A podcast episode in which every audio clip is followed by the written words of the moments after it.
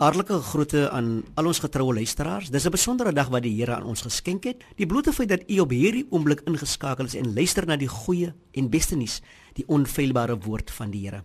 Vir hierdie reeks sielsgedagtes gaan ons fokus op die kerk van Christus aan die hand van Matteus 16 vers 18.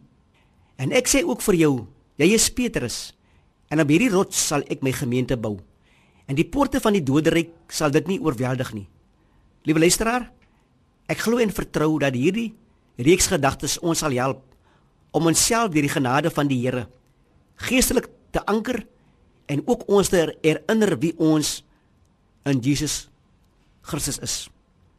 Die kerk behoort aan Christus. Is vanoggend ons gedagte.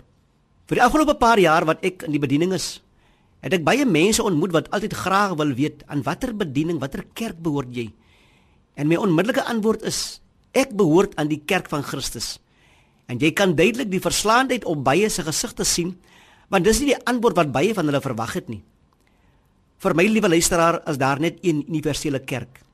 Die kerk van Christus, soos vervat in ons skriflesing. En ek is lid van hierdie onbeskryflike groot kerk. En desondanks my antwoord sal baie mense steeds daarop aandring om te wil weet aan watter kerk ek behoort. En my verduideliking is baie eenvoudig.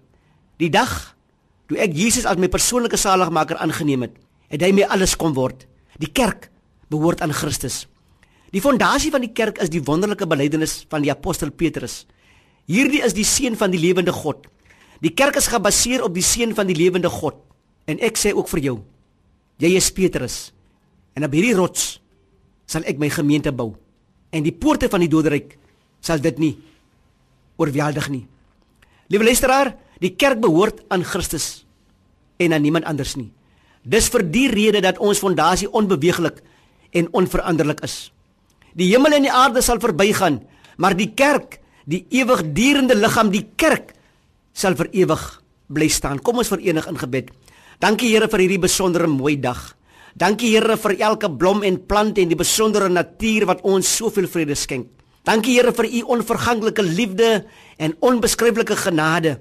En bo alles dankie Here dat ons kan deel wees van u kerk hier op aarde en help ons om u koninkryk te verheerlik deur ons daaglikse optrede en kommunikasie met ander.